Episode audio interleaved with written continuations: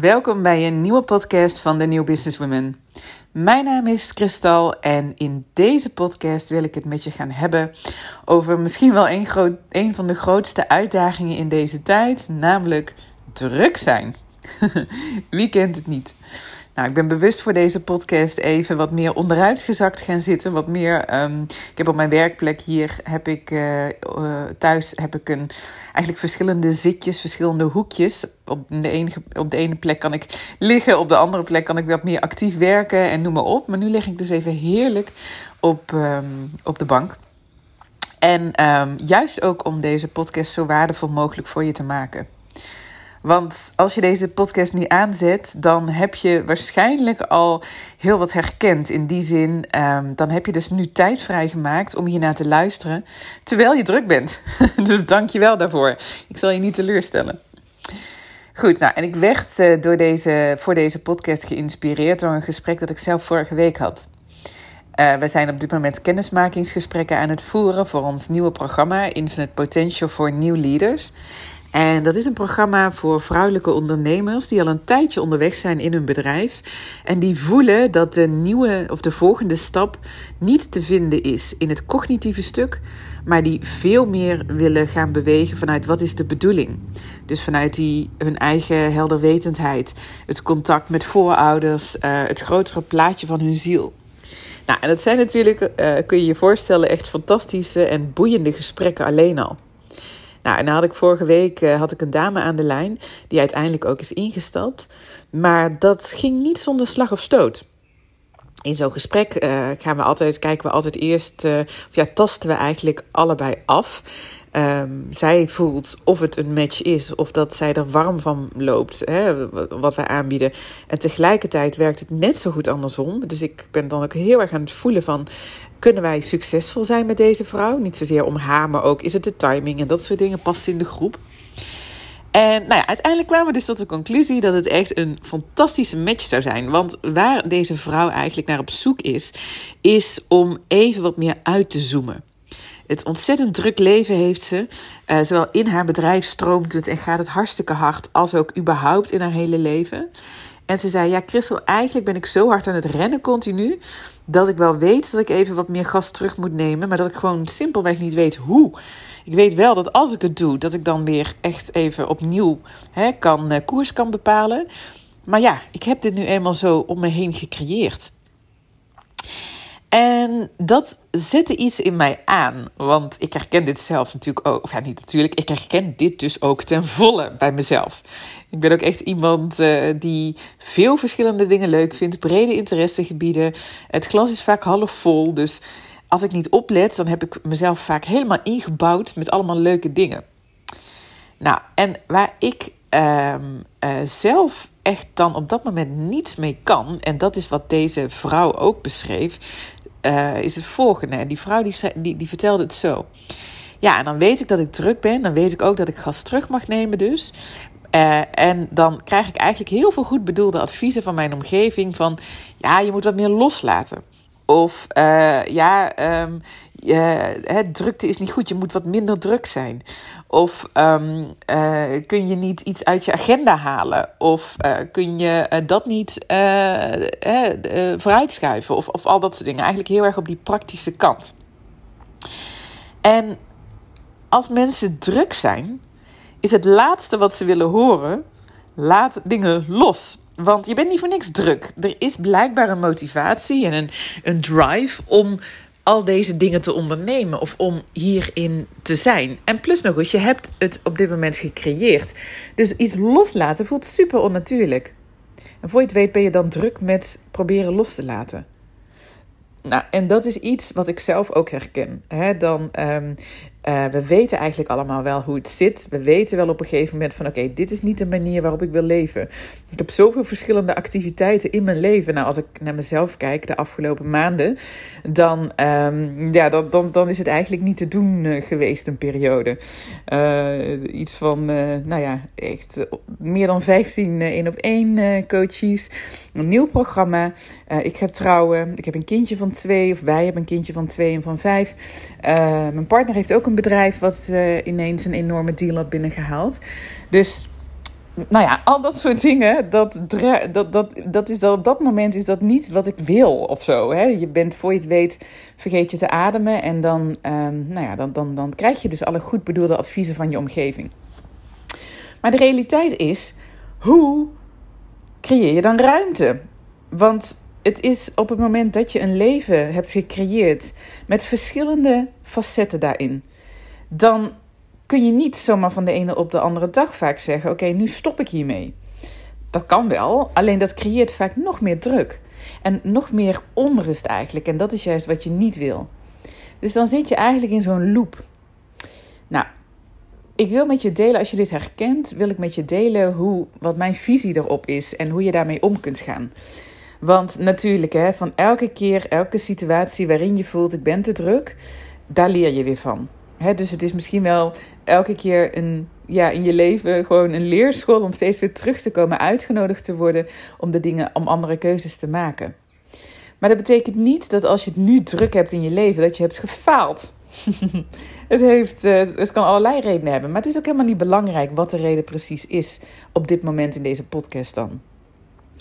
Want in plaats van dingen los te laten, is het eigenlijk het eerste wat je mag doen, denk ik, zacht zijn naar jezelf. En daar bedoel ik mee, ik heb letterlijk tegen mezelf gezegd: Oké, Christel, dit is niet de manier uh, waarop ik op mijn best ben. Dit is niet waar ik wil zijn, hoe ik wil zijn, uh, al dat soort dingen. Uh, maar ik vergeef mezelf. Ik vergeef mezelf dat het zover heeft kunnen komen. Misschien zelfs weer zover heeft kunnen komen. En de eerste weg naar het vrijmaken van meer ruimte is letterlijk mezelf op dat moment vergeven. En vergeven is eigenlijk een heel mooi ding, hè? want vergeven heeft eigenlijk niks met schuld te maken, zoals ik het zie. Het heeft te maken met het feit dat je accepteert dat je het verleden niet kunt veranderen. En als je er op die manier naar kijkt, zonder al te veel lading, dan brengt je dat dus meteen in het hier en nu. Nou, dat heb ik gedaan. Dus na die vergeving um, ben ik stil gaan staan. Maar oké, wat heb ik om mij heen gecreëerd? Um, waarom denk ik dat ik bepaalde dingen vast moet houden? Zonder daar nou per se een conclusie aan te verbinden. En vervolgens ben ik eigenlijk als tweede stap, en dat is wat we continu doen, Mabel en ik, gaan aanstaan op de vraag en gaan voelen: waar verlang ik naar? Waar verlang ik werkelijk naar? En ik ben alles gaan opschrijven sereniteit, ruimte voor mijn creativiteit. Um, ik verlang naar een uitgerust lichaam, uh, naar een fit lichaam, al dat soort dingen. Toen ben ik gaan kijken naar het lijstje en um, gaan kijken wat eigenlijk op dit moment het meeste aan mij trok. Op dat moment. En dat is denk ik zo'n twee, nou, drie maanden geleden nu. En zo'n drie maanden geleden, wat het meeste aan mij trok, was dat lichaam. Want met af en toe een gebroken nachten tussendoor de kindjes of wat dan ook. Je weet hoe het is als jonge moeder, mocht jij uh, je hierdoor aangesproken voelen. Jonge ouders überhaupt. Um, voelde mijn lichaam ook moe. Nou, vooral na long covid, vooral na, uh, nou ja, eigenlijk uh, alle hectiek. Voelde het alsof ik een soort um, ja, wedstrijdleven had, maar dat ik wel in een, in een Lada reed. in een oude Lada. Dus aan alles voelde ik, oké, als ik um, één ding ga aanpakken, dan is het wel dat stukje. Als er iets is waar ik het meest naar verlang, dan is dat dat mijn lichaam fit is en vitaal en sterk. En voel maar eens bij jezelf als je zo'n lijstje hebt gemaakt, wat nu het meest aan je trekt. Onze valkuil, het alleen al dit opschrijven, dat creëert wel ruimte, want onze valkuil is heel vaak dat we alles tegelijk willen. Maar wat als je nu één ding, één verlangen in je leven naar je toe zou halen, dichterbij zou halen, en dat zou toevoegen. En dat is precies mijn grootste tip. We denken vaak dat we dingen moeten loslaten als we druk hebben, maar probeer eens iets toe te voegen. En dat lijkt haaks te staan op wat je wil. Maar wat ik dus heb gedaan is: oké, als ik dus verlang naar dat fitte lichaam, waarvan ik nu denk, daar heb ik geen tijd voor. Dan ga ik dus iets in mijn leven toevoegen, een commitment eigenlijk toevoegen, waardoor ik kan gaan oefenen om mijn aandacht daarop te richten. Nou, en dat is eigenlijk een briljante zet geweest. En um, ik ben ingestapt in een programma van uh, Suzanne Voigt. Zij heeft ooit de Academy bij ons gedaan. Uh, ontzettend gave vrouw. Ze zit in Tiel. Haar programma heet Supersterk. Ik heb al vaak over haar verteld. Uh, ik zit nu in de, op de helft van het programma. Als ik deze podcast inspreek. Um, maar al vanaf de start van dat programma was dat voor mij echt een hele belangrijke stap. Want door, deze commitment, door dit commitment aan te gaan en deze keuze te maken voor dit programma dat drie maanden duurt. Ook al dacht ik, hoe kom, kan ik dit in hemelsnaam in mijn leven passen? Door een commitment aan te gaan gaat er een ander luikje open in je systeem. En dat voelt om een of andere reden natuurlijker als je druk hebt. Hè, dat er eigenlijk een project bij komt.